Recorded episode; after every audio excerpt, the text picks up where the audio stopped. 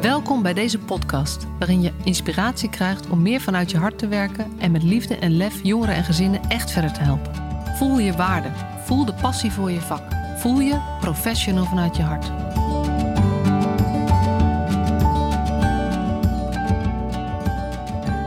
Welkom weer bij deze nieuwe aflevering van de Professional vanuit je hart podcast nummer 208 maar liefst. En deze podcast uh, komt uit in de, op de, de, bij de start van de Week van het Vergeten Kind 200, 2024.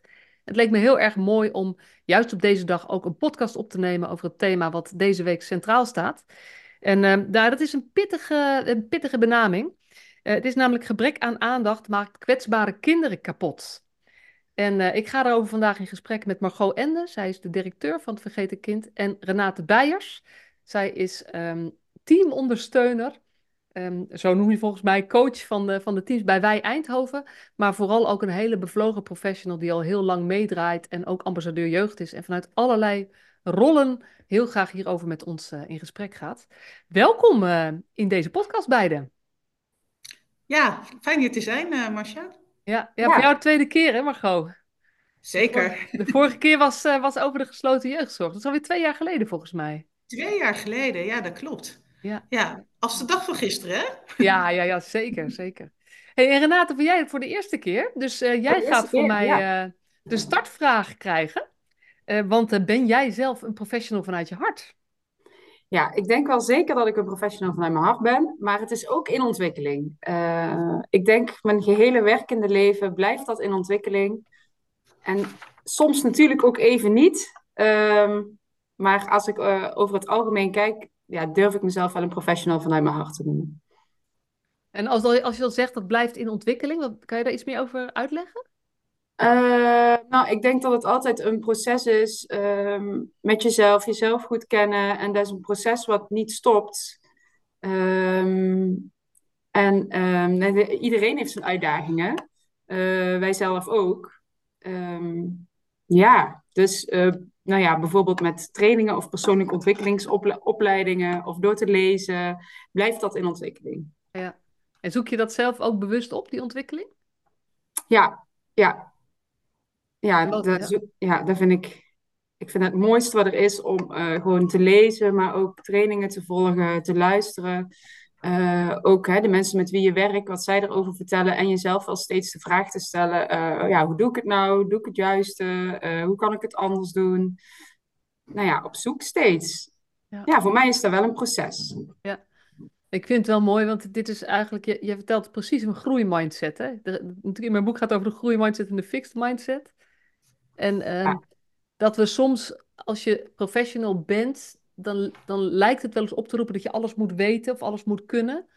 Uh, en ik, ja, ik deel heel erg hoe jij erin staat. Van, ja, dit, weet je, natuurlijk, op een gegeven moment weet je heel veel, maar je kan je, kan je altijd blijven ontwikkelen. Onderdeel van vakmanschap, professionaliteit is volgens mij ook ja. dat je je blijft ontwikkelen.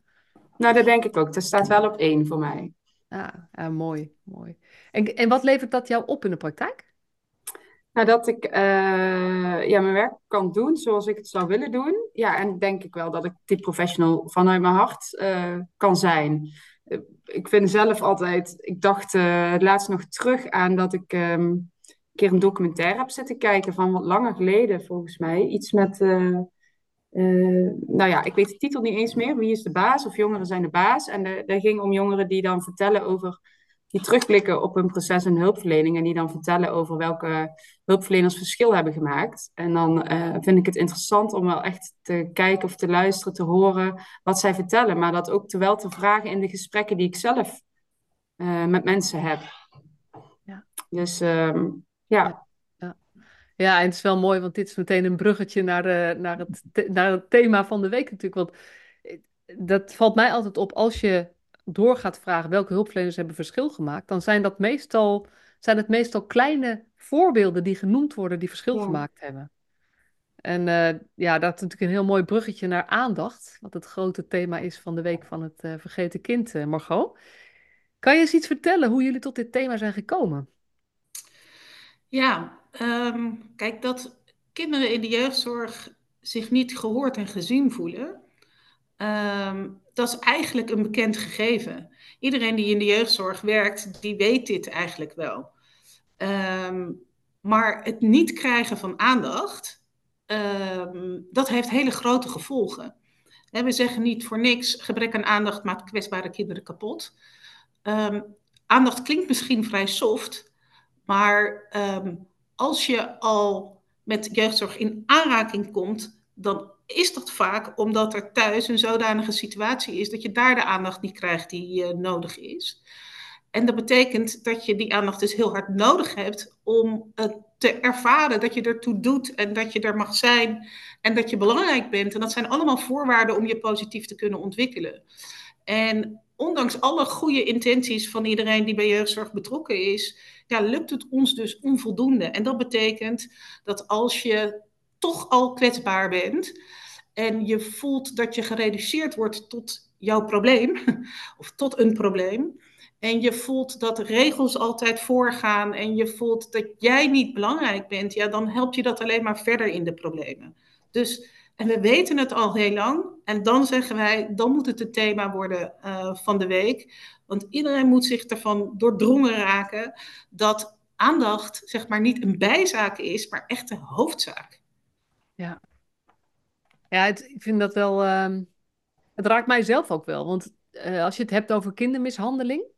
Um, uh, dan heb je natuurlijk allerlei vormen van kindermishandeling, uh, psychische kindermishandeling, ehm, fysieke kindermishandeling, seksuele kindermishandeling en emotionele kindermishandeling. En ja, dat is, een, dat is eigenlijk iets wat heel moeilijk meetbaar is, maar waarvan heel veel volwassen, volwassenen van nu zeggen van ja, maar dat is voor mij het meest schadelijk geweest. Het, zeg maar die emotionele verwaarlozing ja. of emotionele mishandeling, of nog, nog een stapje erger, maar emotionele ja. verwaarlozing, dat, dat was het meest schadelijk. Ja, maar dat is natuurlijk zo. Kijk, wij als mensen willen allemaal gezien en gehoord worden. Uh, zelfs al heb je een hele stabiele opvoeding, een hele stabiele jeugd uh, achter de rug. Um, dus ja, zeker voor kinderen die daar al in beschadigd zijn, is het zo belangrijk. Ja. En um, um, ja, dat we het weten en dat het niet verandert, dat is niet goed. En dat, dat zit volgens mij in dat er niet één knop is waar je aan kan draaien. We hoeven het niet in de wet aan te passen of een stelselwijziging en dat soort dingen. Daar gaat het allemaal niet over. Het gaat over um, hoe je als hulpverlener zeg maar, naar het kind kijkt. En hoe je goed luistert en goed contact maakt.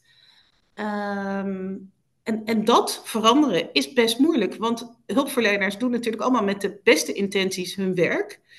Um, ik vind ook dat hulpverleners veel beter gefaciliteerd moeten worden in het doen van hun werk. Um, maar ja, daar komt het uiteindelijk wel op neer dat hulpverleners ander gedrag moeten laten zien. Ja. En als je, ik wil zo meteen nog iets over vragen, maar als je zegt beter gefaciliteerd worden, wil je daar iets over uitleggen wat je mee bedoelt? Ja, we moeten denk ik niet uh, over het hoofd zien dat hulpverlener zijn natuurlijk een heel mooi, ook een heel moeilijk vak is. Iedereen die daarin werkt, die weet dat deze kinderen niet met hun armpjes uitgereikt staan, maar geef mij aandacht, geef mij aandacht. um, uh, als je uh, in je eentje op een groep van acht jongeren staat, geef ze dan allemaal maar eens goed aandacht. Als jij nummer 64 bent, met wie het kind in aanraking uh, komt, geef dan maar eens goed aandacht. Als je net bent uitgescholden, geef dan maar eens goed aandacht. En dat gaat over facilitering in de vorm van: hè, zit je, ben je onderdeel van een vast team? Uh, kan je reflecteren met elkaar? Kan je je eigen kwetsbaarheden aankijken? Is daar ruimte voor? En, en dat is wat ik bedoel met faciliteren. Ja. Um, ja. En we, we, richten de jeugdzorg toch wel veel op in. Het moet zo efficiënt mogelijk en het probleem moet zo snel mogelijk worden opgelost. En er moet nu urgent worden ingegrepen. Terwijl we weten ook uh, uit onderzoek um, dat het aangaan van de relatie en het maken van het daadwerkelijk contact en het daadwerkelijk kijken naar het kind niet alleen als probleem, maar ook met al zijn mogelijkheden en talenten en toekomstdromen, uh, dat dat nodig is om juist de hulp te kunnen geven. Alleen daar, ja, daar maken we onvoldoende ruimte voor. Ja. En dan hoor ik je zeggen dat er ruimte is om als, met een vast team en te, genoeg te reflecteren. Maar volgens mij bedoel jij het ook buiten, zeg maar nog breder dan de organisatie. Heb je het ook over gemeenten die daar iets in Zeker. zouden moeten doen? Zeker, hè? de gemeente als opdrachtgever van de, uh, van de jeugdzorg, die moet de juiste vragen stellen. Die moet zorgen dat het in zijn visie zit en dat hij erop monitort. Um, dus daar begint het natuurlijk. Ja.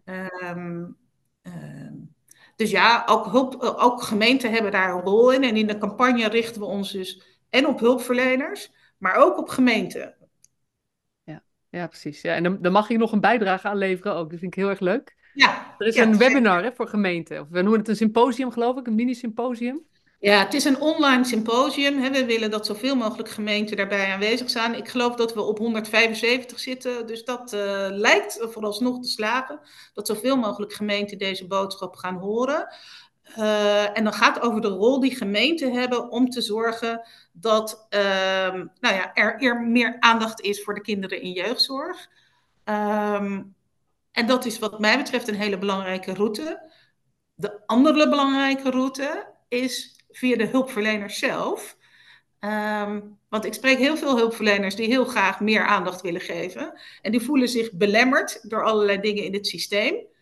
Uh, en daar moet aandacht voor zijn. Maar er zijn ook veel hulpverleners die aangeven: Goh, wij moeten het zelf als hulpverleners ook anders doen. Want we hebben ook last van belemmerende overtuigingen. En daar moeten we het met elkaar over hebben. Ja. Mm. ja. Dus daar zetten we in de ook op in. Ja, ja.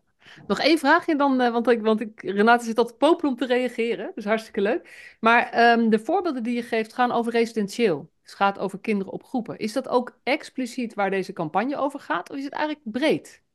Nee, zeker niet. Het is uh, breed. Um, want zeg maar, het feit dat jongeren in de residentiële jeugdhulp terechtkomen, is vaak al omdat er in het voortraject al niet voldoende aandacht is gegeven. En aandacht, nogmaals, voor ook de talenten en de positieve dingen en de kracht die in een netwerk zitten en wie zijn belangrijk voor jou. Dus daar gaat juist ook al voordat ze in de residentiële hulp uh, terechtkomen heel veel fout. Hè? Het, het, onderzoek betrekt mij gewoon van ketenbreed leren. Uh, dat gaat daar ook uh, op in. Uh, van hoe zijn die jongeren daar terechtgekomen in die residentiële jeugdzorg, jeugdzorg. En daar zie je dat te weinig tijd voor aandacht en analyse, zeg maar, en die heeft dat tot dat pad geleid.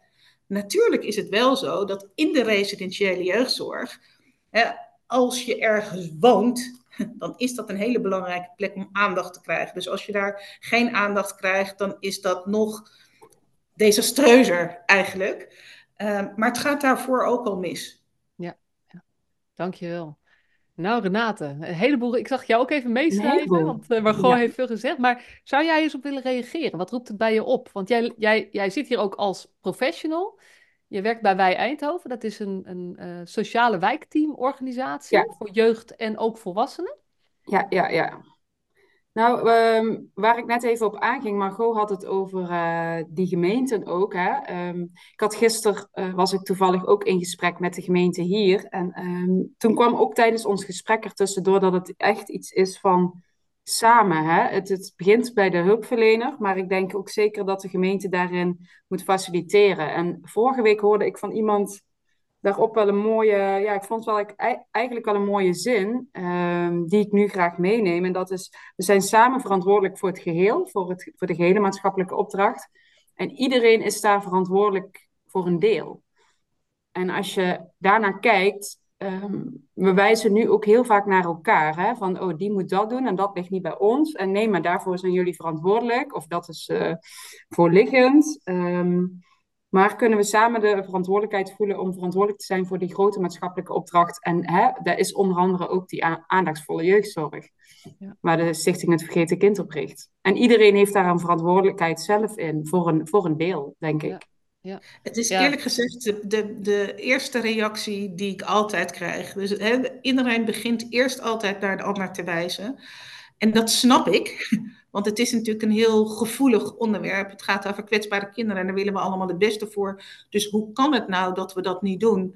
Maar prima om even naar een ander te wijzen, maar dan toch vooral inderdaad je te concentreren op je eigen deel uh, daaraan. Ja. ja, zeker. Ja, en, en ja, dat, dat, iedereen die mij ooit heeft horen spreken, weet dat, weet dat wel hoe ik daarin sta. Maar dat, ik zie dat een beetje, dat, dat de drama-driehoek-dynamiek, is gewoon die bij ons in de dagelijkse praktijk regeert. Want een van de vragen die jij had, hoe komt het toch dat we geen stap verder komen? En volgens mij is dat omdat we in die drama-driehoek blijven hangen met z'n allen. Dat we vooral kijken, ehm, eh, eh, hoe moet een ander dit doen? Want ik ben beperkt daar en daar en daardoor. Of ik voel me belemmerd daar en daar en daardoor. Waar je soms ook nog wel gelijk in hebt. Maar het helpt niet zolang je zo blijft denken. Want, want het ene is, hoe komt het toch? Volgens mij omdat ze dus in zo'n soort dynamiek vastzitten en elkaar gevangen houden. En we hebben gewoon veel, ja, of ik ze nou eigenwijs moet noemen, moet noemen of liefhebbend, of uh, autonoom, of whatever. Maar in ieder geval mensen nodig, professionals, hulpverleners in de praktijk, maar professionals ook, mensen bij de gemeente, die eigenlijk zeggen, ja, wij zetten, wij gaan eigenlijk stoppen met kijken wie dan, zeg maar, maar ik wil gewoon dat we het hierover hebben met elkaar. Hoe gaan we dit samen doen? En dan moet ik een beetje buiten mijn, buiten mijn uh, geëikte paden en jij ook. En dan gaan we het gewoon samen beter maken.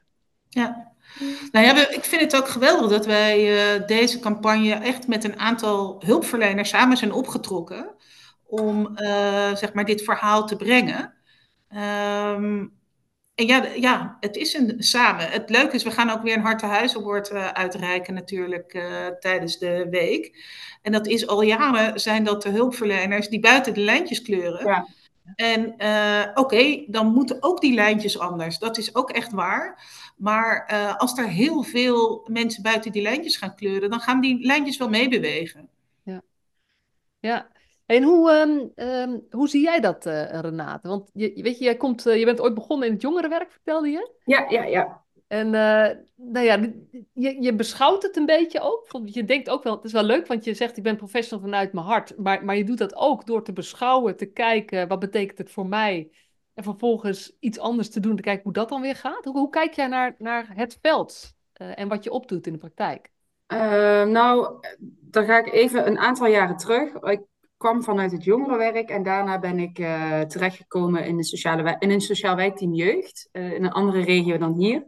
En wat mij toen wel opviel in het begin, um, ik voelde me ook totaal geen hulpverlener. Ik, ik, ik wist ook heel veel afkortingen niet en het ging allemaal over hulpverleningsplannen en OTS'en en ik snapte er eigenlijk uh, niks van. Dus ik ging me helemaal op een nieuwe terrein begeven. Maar wat mij wel opviel en wat mij tot vandaag de dag eigenlijk nog steeds wel puzzelt en waar ik over nadenk, is dat er toch nog zoveel over de kinderen, jongeren, mensen, ouders wordt gepraat in plaats van met elkaar. En we schrijven het wel allemaal op papier heel mooi in het beleid en op websites van uh, allerlei organisaties en instellingen staat dat we het samen doen en dat we samenwerken. Maar in de praktijk uh, zie je nog heel veel dat er wordt gepraat en geschreven over mensen. Dus misschien eigenlijk een heel klein voorbeeld. Uh, maar ik denk wel in mindset voor mij begint het ook wel daar. Uh, ik weet nog dat ik toen begon in de wijkteams, ik echt dacht, ik had een bekende ergens anders en die was ergens coördinator en die zei, uh, wij gaan, wij, uh, een heel belangrijk uitgangspunt voor ons is niet praten en schrijven over mensen. In het jongerenwerk vond ik dat heel normaal en toen kwam ik in het, ja, wat ik net zei, in het wijkteamwerk. Ik denk dat daar een stukje mindset begint. Maar ook daarnaast, hoe stap je binnen? Ben je eigen bewust van als je binnenstapt van, oh, ik weet het allemaal wel en ik kom vertellen hoe het moet. Hè? Ik kom de oplossing brengen. Of stap je binnen en helemaal blanco zonder een eigen agenda uh, en ga je het verhaal ophalen. Ja. Hey, wie is diegene die ik voor me heb en wie zijn de belangrijke mensen om iemand heen? Uh, nou ja, en zo kun je nog honderden vragen stellen. Ik denk dat daar ook al iets zit in de mindset. Ja, mindset. Ja, ik noem het mindset. Uh, ja, Mindset gaat eigenlijk, denk ik, over, over onderliggende overtuigingen. Dus overtuigingen die ik hier hoor, is dat, het, dat we, ook al zeggen we dat we het niet meer doen, dat we heel vaak nog denken, maar wij weten, wij weten wel wat goed is in deze. Dus dat is een overtuiging. En de andere is ook houding, basishouding. Ja. ja hoe, hoe stap jij zo? Dat is, dat is, je houding wordt wel gestuurd door je overtuigingen. Dus, ja, ja, die bedoel ik, ja. Is eigenlijk allebei. Het, gaat over um, hoe denken we, wat vinden we echt. En soms zeggen we iets te vinden, maar op onderliggend niveau, ja, stiekem denken we dan toch dat beter weten, bijvoorbeeld. Dat herken ik ook heel erg. Ja, nou dat. En ik, ik moest ook denken, toen ik aan deze podcast dacht, um, ik heb vorige week een stukje in het Augeo magazine gelezen over een onderzoek Ehm, en daar ging volgens mij een onderzoek. Uh, nou ja, ik weet niet precies wat de titel van het onderzoek was, maar daar, ging precies over, denk ik, waar we het nu over hebben, maar waar ik zelf ook wel veel vaak over nadenk. En dat is dat, um, um, nou ja, de ideeën of de perspectieven, hoe je het wilt noemen, van gezinnen, van kinderen. Uh, we vinden het allemaal belangrijk dat het in een, uh, bijvoorbeeld in een plan komt.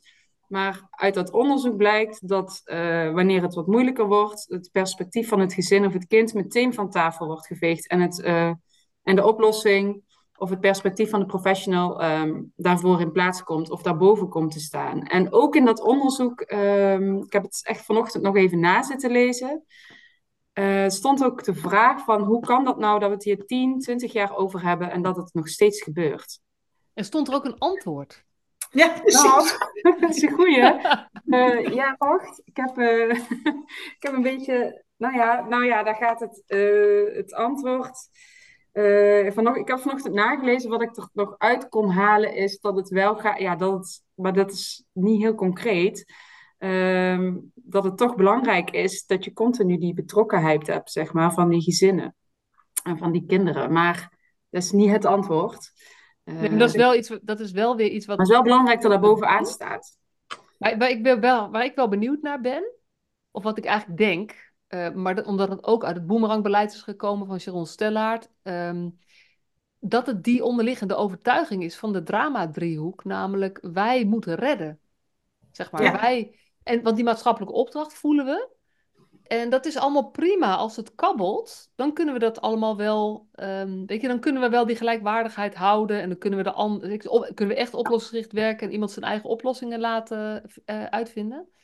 Maar als het spannender wordt, ook met ja, professionele verantwoordelijkheid die je voelt, of de zorgen die je je maakt over een kind of een gezin, dan komt er een, een, ja, een soort reddersreflex of zo, krijgen wij. En, ja. en die leidt automatisch toe dat je veel meer gaat denken vanuit wat jouw perspectief is. Dat, dat zou ik denken.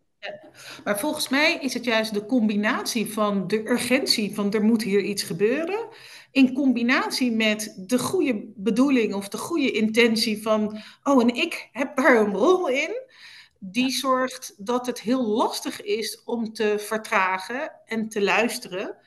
En misschien even niks te doen en nog eens met iemand anders te overleggen het komt misschien wel bijna door de goede bedoelingen en het gevoel dat we iets moeten doen, dat dat zo moeilijk is. Ja, wij, wij voelen die verantwoordelijkheid ook om op ja. dat moment iets te doen. Ja. ja. En, uh, en ja, als je die verantwoordelijkheid voelt, en die, en die krijg je ook maatschappelijk gezien. Hè? Dus dat betreft zitten we ook in een, ja, een tijd waarin we volgens mij, uh, en, en dat is iets, vind ik wel heel mooi zoals jij dat net zei Margot, dat we ook naar de maatschappij uh, gaan uitstralen. Van ja, hulpverlener zijn is ook gewoon verrekte moeilijk. Um, Zeker met alle druk die we erop leggen. Ja, ja. En toch, hè, als je het uit het perspectief van het kind hoort, dus zeg maar, um, uh, ook een jongere zei dat uh, twee weken geleden weer, die zei, die thuissituatie, die was al jaren problematisch. Daar wist die jeugdzorg niks van. Maar dan weet jeugdzorg ervan. En dan moet er opeens iets snel gebeuren. Terwijl het is al, het is al jaren zo.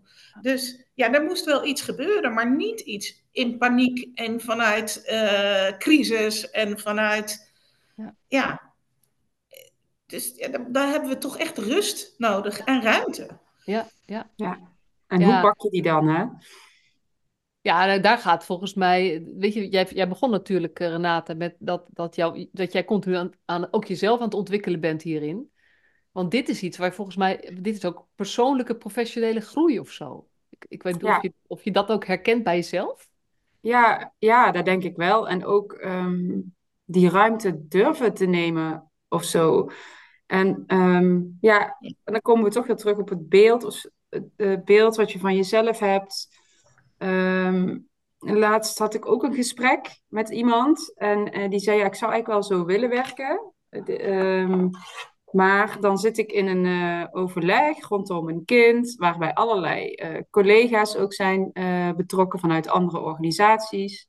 En dan wordt er naar mij gekeken en dan zeggen zij allemaal dat dit er moet gebeuren. Wie ben ik dan om dat niet ja, om dat dan in twijfel te trekken, om een kritische vraag te stellen. Terwijl ik dan denk, ja, maar dat is juist ook onze opdracht om ook zo heb ik, ik heb, dat altijd, ik heb dat ooit geleerd van iemand. Ik heb volgens mij een docenten gehad die dat altijd zei. Dus ze zitten bij mij ook een beetje met de paplepel, zeg maar, hè, van, vanuit mijn opleiding ingegoten. Ehm, het is juist onze opdracht om elkaar daarop scherp te houden. Van doen we met elkaar het juiste? Zijn er misschien nog meer perspectieven?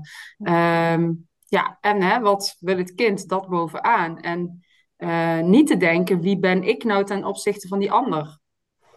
En, ja, uh, ja, dus ja. Die, die, hoor ik ook nog, ja, die hoor ik eigenlijk wel wekelijks wel terug in gesprekken ook met, met collega's. Van ik zou zo wel willen werken, ik zou meer rust willen en vertragen en aandacht en uh, het uitgangspunt of het plan van het kind en zijn of haar omgeving bovenaan stellen.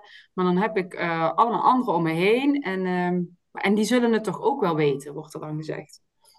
Ja, dit, dit doet mij denken aan ehm, de podcast die ik met Jason heb opgenomen, uh, nummer 200. Mhm. Die heb jij toevallig geluisterd? Ja, die heb ik geluisterd, ja. Daar hebben, wij, hebben we het hier ook over. Um, dat eigenlijk als je gaat afvragen, ja, maar wie ben ik nou helemaal om ten opzichte van die anderen? Eigenlijk ben je dan met jezelf bezig. En die herken ik zelf ook heel erg. Hè? Ik zeg ook heel vaak, ja, wat heb ik nou helemaal te vertellen? En, uh, maar daarmee, eigenlijk ben ik meer met mezelf bezig dan uiteindelijk, waar doe ik het voor? Want als, je, als je uiteindelijk, ja, keep your eyes on the ball, zeg maar. Dus waar, waarom, waarom ben je dit ooit begonnen? Ja, dat is toch om kinderen te helpen. En als alles in jou zegt, kinderen helpen of hoe je het ook wil formuleren, um, uh, als, je, um, als alles in jou zegt van ja, maar dit is, dit is wat ik voel wat goed is, wat maakt dan dat, dat je daaraan laat morrelen doordat je gaat afvragen wie ben ik helemaal? Wat ik op zich een heel herkenbaar iets vind. Maar wat ik zelf merk, het is, dat is wel persoonlijke groei die, die, je, uh, die je ook door moet gaan om daar meer plek in te durven innemen. Ja. En... Ja, en is het niet zo dat als je goed geluisterd hebt naar het kind en naar het gezin, dan zit daar zeg maar meer wijsheid in dan dat al die andere collega's überhaupt maar kunnen weten. Nou, precies, ja. Um, daar zou ook zoveel kracht uit moeten komen. Maar volgens mij zit er wel echt ook een probleem is dat hè, we zeggen altijd je moet vertragen om te versnellen. Maar om dat echt te durven geloven, zeg maar, en daar ook je collega's in mee te nemen, dat lijkt me ook ontzettend ingewikkeld, maar daar zit wel de, de, de crux. Terwijl, en dat weten we allemaal uit het hele leven, als, als je eenmaal tijd hebt gestopt in een bepaalde relatie, zeg maar, dan alles wat daar dan daarna komt, ja, dat gaat dan een stuk sneller. Ja, daar heb je wel eerst voor moeten vertragen. Ja. Sterker nog, als je stopt met investeren in een relatie, krijg je gedoe. Ja. Dat is, ja. dat is in, in ja. liefdesrelaties. Ook in heel veel uh, situaties. Daar moet ik even aan denken, maar ook in vriendschappen. Als je stopt met investeren in vriendschappen, dan of verdwijnt het, of je krijgt gedoe. Als je stopt met. Dus, dus wat zou het anders maken als we, dan, als we dan een hulpverlenersrelatie weer eens even normaliseren? En gewoon zeggen, ja, het werkt eigenlijk gewoon zoals contact tussen twee mensen überhaupt is. Ja. ja. Um, dan, dan is, is nou ja, investeren in de relatie middels aandacht, om dat thema maar even weer terug te halen, um, is, is eigenlijk de makkelijkste manier om, ja, om, om een soort van iets vlot te trekken of in beweging te krijgen. Ja. ja. Nou, nou zo simpel is het eigenlijk. Zo ja, dus ja, dat is misschien nou, wel... Het is helemaal niet simpel. Het is helemaal niet simpel. Doet, doet mij denken mag, um, aan een uitspraak van een uh, jonge Michael. Um, ik, ik mag zijn verhaal gebruiken, uh, dat weet hij. Die zei tegen mij, die heeft zijn hele leven, volgens mij vanaf zijn vierde tot zijn achttiende, uh, binnen jeugdinstellingen gewoond. En hij zei tegen mij, Renate, er is gewoon nooit aan mij gevraagd en wat wil jij nou? Zo heel simpel, die zin. En dan, dat heeft mij ook aan het denken gezet. Van het is eigenlijk zo klein en zo simpel. Ja. En waarom, ja, gebeurt, ja, waarom uh, gebeurt het dan niet? Of niet altijd? Nee, maar, maar ja, ik, eh, het, want eh, ik geloof dus ook dat het echt heel simpel is. En niet dat we dan alles opgelost hebben, maar dan hebben we het wel een beetje beter gemaakt. En volgens mij moet het ook zo, zo blijven benaderen. Want dat denk ik ook wel eens, dat dit is een probleem waarvan je eigenlijk kunt afvragen, is er überhaupt een probleem? Of maken we een probleem? Dus dus is dit een kwestie van we moeten beter bedenken hoe we dit gaan doen? Of moeten we die tijd en, en, en energie besteden om het te gaan doen? En als je het gevoel hebt dat je collega's niet mee willen met wat jij had bedacht, ja, investeer dan je energie in het toch zelf vormgeven van hoe jij hiermee aan de slag wilt. In plaats van kijken of je het team erin mee kunt krijgen of zo. Want dan, kom je op, dan komt er een probleem. Ja. Zou... ja. Renate, wat denk jij ervan? Want jij doet ook veel ja, ja, teamcoaching of coaching van professionals, zeg maar. Hoe zie jij mhm. dat? Uh, um... ja, ik denk dat het belangrijk is, maar dat voelt ook weer zoals een open deur om dat hier te zeggen. Ik sluit me daarbij aan, maar het gaat om het gesprek met elkaar erover aan blijven gaan. Ja. En um, ja, maken we dan. Ja, ik denk wel dat we met elkaar dan een probleem maken door het zo ingewikkeld. Ja, ik ben ook weer even kwijt hoe jij hem precies zei, Marcia. Nee, weet ik ook niet meer. Dat is het nadeel hè, van zo'n uh, niet voorbereiden met interviewvragen. Dat je zelf dan denkt, dan gaan mijn gedachten ook alle kanten op. Ja. Maar dat we eigenlijk een. Um, we kunnen ook zeggen, ja, het is ingewikkeld, maar we kunnen ook zeggen, het is simpel. Het is een kwestie van doen. Ja. En eigenlijk heb ik dat gevoel heel sterk. En kunnen we heel erg praten over waarom het zo ingewikkeld is. En dat kan heel interessant zijn, maar ik kan zo me voorstellen dat er weer 27 rapporten bij komen boven de 25 die we al hebben. En dan eigenlijk, eigenlijk het stapje maken. Oké, maar weet je, we weten dat het belangrijk is. Hoe kunnen we het doen? Ja, ja. Tuurlijk. Nee, dat is, ja, daar ben ik ook voor. Ja. Nou ja, dat is ook waarom wij het werkpakket hebben gemaakt, zeg maar, uh, uh, samen met uh, hulpverleners, waaronder Renate, voor hulpverleners, om met elkaar dat gesprek aan te gaan. Dus niet allemaal heel hoog over hoe kan het nou in het systeem allemaal. Nee, nee hoe doe jij het? Hoe doe ik het? Wat kunnen we van elkaar leren? Waarom is het soms moeilijk en hoe moeten we dan zorgen dat het makkelijker wordt? En, en laten we dat dan gewoon vanaf morgen gaan doen. En over een week in ons overleg weer eens bespreken. Is er nou iets veranderd? Waarom niet? En dus gewoon gaan doen. En ik denk, als je dan gaat ervaren met elkaar dat je inderdaad, in eerste instantie kost het meer tijd, maar uiteindelijk is het veel effectiever. Ja, dan gaat er vanzelf wel meer ruimte voor ontstaan. Dus we moeten ook beginnen uh, om die positieve ervaringen op te doen. Ja, en de kunst is, wat je aandacht geeft, groeit. En dat is iets waar ik steeds meer ook proberen op te letten op basis van, van ook, ook van theoretische concepten. Als we na een week met bij elkaar komen en zeggen: Goh, hoe is het gegaan afgelopen week? Praten we dan over wat er wel gelukt is, ook al is het maar heel klein? Of gaan we zeggen: nee, het is niet zo goed gelukt, want. En gaan we eigenlijk op zoek naar waarom het niet gelukt is? Want wat je aandacht geeft, groeit. En ik geloof heel erg in dat we dit, als we. Het is namelijk niet moeilijk.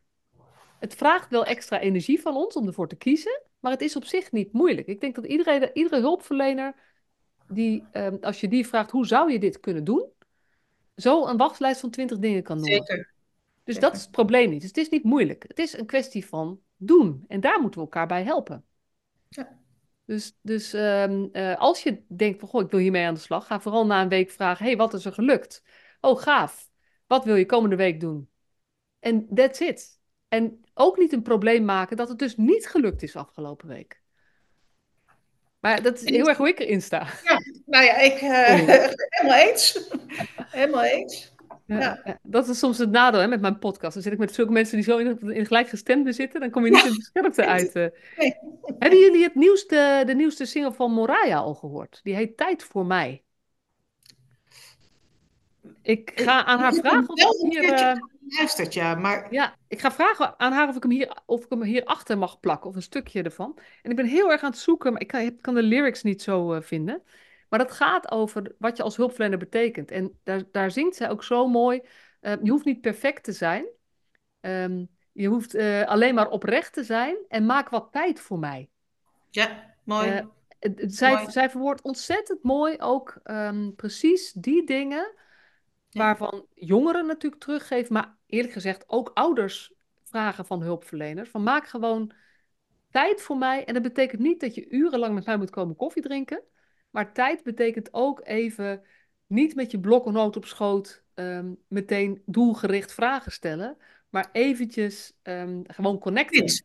Ja. Gewoon echt zijn, ja. Ja, en eigenlijk, uh, uh, zeg maar, bij wijze van spreken, vragen, weten of iemand van koken houdt of niet. Ja, zeker. Gewone dingen weten. Daar zit, daar zit aandacht ook in. En iets van jezelf ook uh, geven. Hè? Ehm, ja, jij noemt dat je muurtje laten zakken, volgens mij. Maar ik denk dat het ook heel erg helpend is als je niet perfect bent. En als je iets laat zien van je eigen imperfectie of waar je mee worstelt, want dat maakt je ook gewoon mens en dus toegankelijk. Ja. Met, met als kleine disclaimer dat dat dus niet een um, tool is. Als nee, je dat doet, ja, het moet geen kunstje zijn. Het, wordt, het kan heel makkelijk, als je dit meeneemt, wordt het een kunstje. Dus, dus ja, dit kan heel goed werken als dat bij jou past. Ja. Maar als dat niet bij jou past, dan laat je foto's van je hond zien. En als dat ook niet bij jou past, dan ga je laten zien dat je een koprol kan maken op je 35ste. Of whatever. Als het maar iets is um, waarmee mensen zien dat jij jij bent. Ja. En op de een of andere manier vinden we dat met z'n allen heel ingewikkeld. Nou, de hele mhm. social media um, uh, gesprek gaat daar natuurlijk over. Hoe echt is alles nog? Dus op het moment dat jij wel echt bent in het contact, dat, daar aandacht vraagt ook echtheid en vraagt oprechtheid volgens mij. Ja, ja, eens. Eens. Maar als, je, als je kijkt naar, naar, naar de praktijk weer even, uh, Renate. Als je, als je dan kijkt naar het, het concept aandacht. Hoe, hoe, hoe, hoe, ja, hoe werken jullie daarmee? Of wat doe je daarmee? Wat zou je eigenlijk al die collega's in het veld... die soms het gevoel hebben van... ja, maar ik heb geen tijd. Of, of weet wat zou je ze willen meegeven? Um, nou, wat, eigenlijk wat, ja, wat ook nu, hè, wat, wat we nu in onze functie doen, is eigenlijk, um, ja, ik zou iedereen gunnen om daar, en, uh, om daar gewoon de tijd voor te nemen, te mogen nemen en de, voelen dat je de tijd ervoor mag nemen. Um, ja, eigenlijk, dat simpeler kan ik het niet maken, maar dat is wel, um, als ik ook kijk hè, waar wij nu mee bezig zijn binnen onze organisatie, zijn wij juist bezig om uit te zoomen, te vertragen. Uh, hè, je, je mag uh, leren, je mag gebruik maken van coaching, coaching on the job. Je mag daar de tijd voor nemen. en die, um, nou ja, die koers die zijn we wel in aan het zetten en door aan het voeren. Om zo uiteindelijk de beweging um, wel groter te maken. Ja, en wat ik daarin hoor is ook een parallel proces eigenlijk. Dat, dat eigenlijk, omdat, omdat jullie dit thema zo belangrijk vinden, ook als organisatie, maar ook, weet je, dit is ook iets wat, wat jij heel belangrijk vindt. Mhm. Je bent ook wel, wel iemand die dat echt uitdraagt. Dat je zegt, ja, als we willen dat professionals dit, weet je, voel dat het mag, maar dat helpt natuurlijk als professionals voelen dat er ook tijd voor hen is. Ja, ik denk, ja, zo werkt het. Een soort van practice what you preach, zeg ik altijd. Ja, ja, dus, dus als, um, als je als organisatie wil dat er meer tijd komt voor de jongeren, dat, dat jou, jouw medewerkers of jouw hulpverleners meer tijd maken en meer ervaren dat ze tijd mogen maken voor de kinderen uh, en, de, en de mensen met wie ze werken, dan betekent dat dat je als organisatie, als HR of als teammanager of als leidinggevende of gedragswetenschapper, dat je eigenlijk ook meer tijd maakt voor die hulpverlener. Nou, daar zit hij precies, daar zit hij helemaal, ja.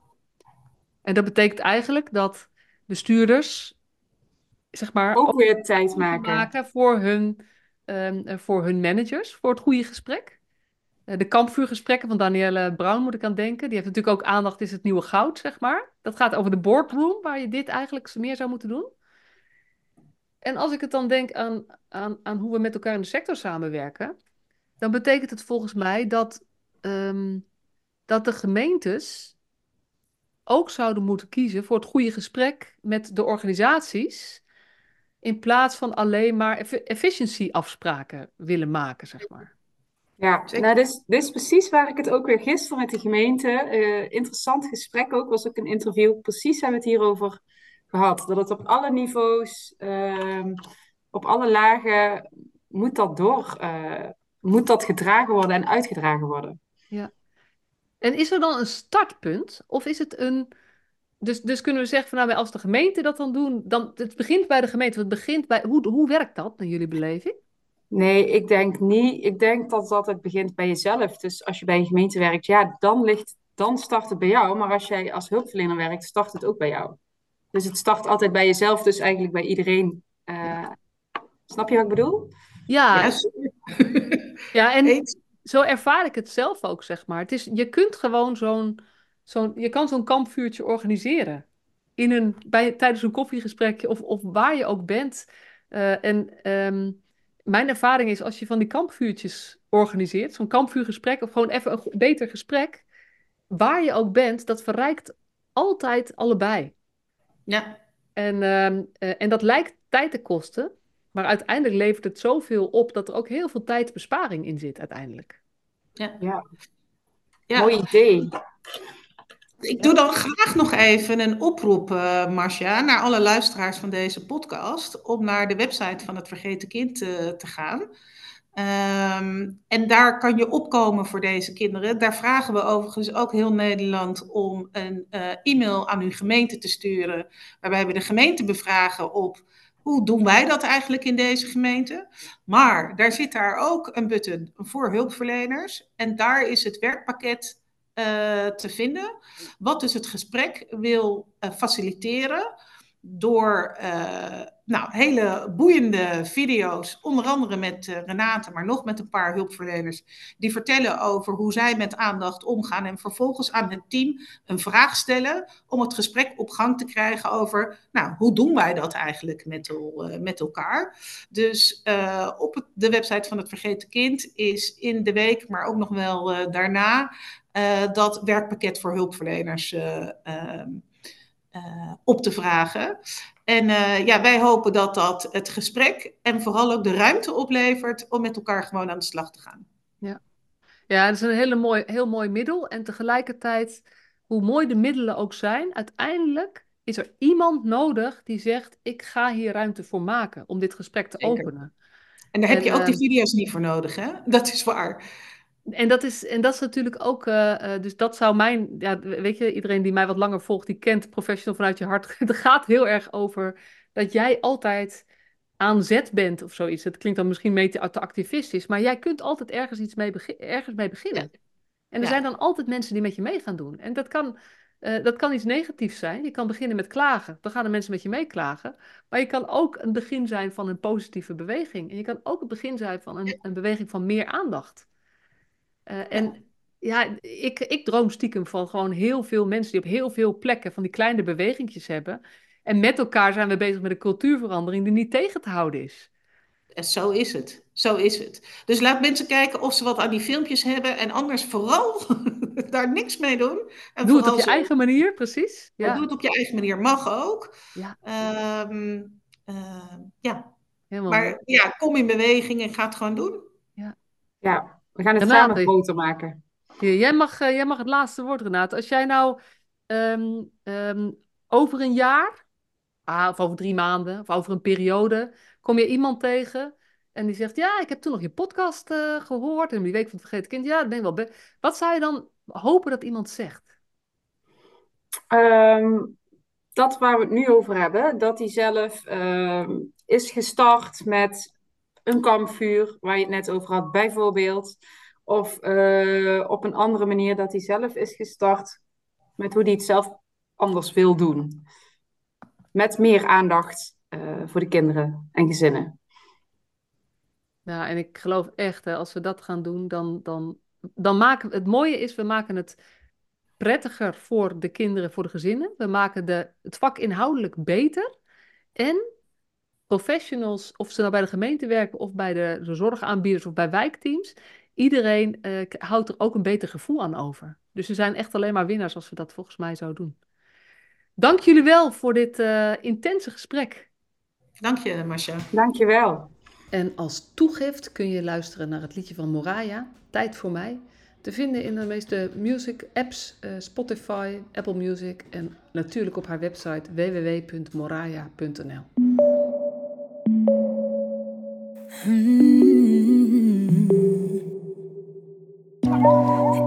sta hier en ik vraag me af. Wat was nou echt hetgeen dat ik nodig had? Ik was klein en mijn wereld zo groot. Er kwam niks uit van wat er was beloofd. Het waren enkel sparkles die boden mij je niet om perfect te zijn, ik vraag alleen om oprecht te zijn. En ik vraag om nieuwsgierigheid. Ben jij nieuwsgierig naar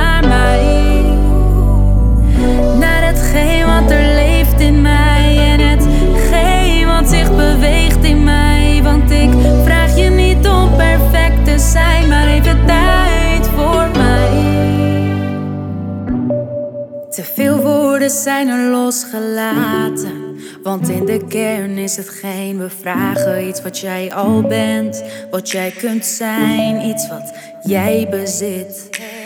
Het zit in je en soms zul je dieper graven. Toch zijn er tijden dat het tegen zit, maar neem je ruimte.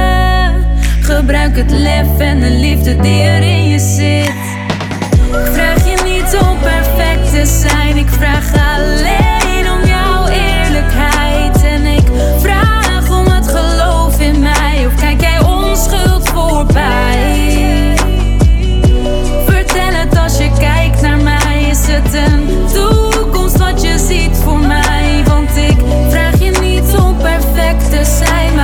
tijd voor mij.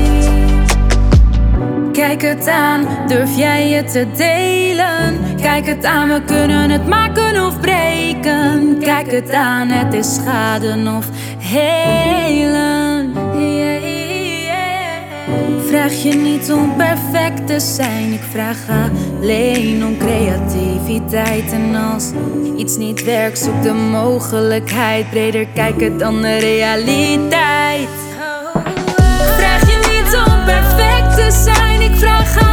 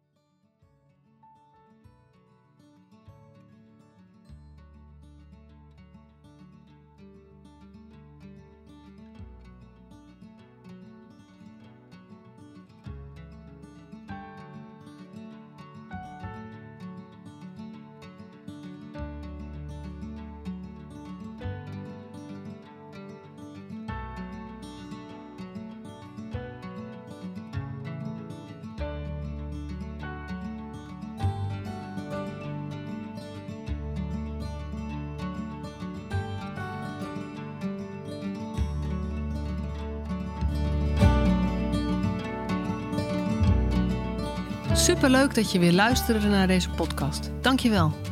Nog even kort een paar belangrijke dingen.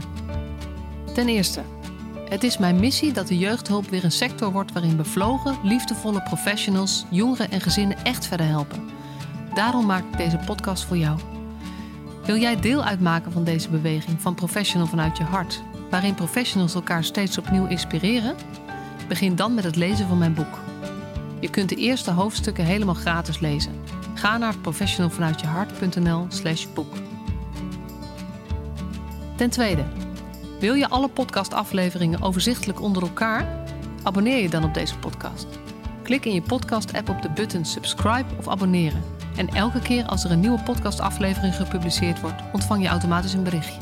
Ten derde, ondersteun je mijn missie? Geef me dan een review via je podcast-app, bijvoorbeeld iTunes of Spotify.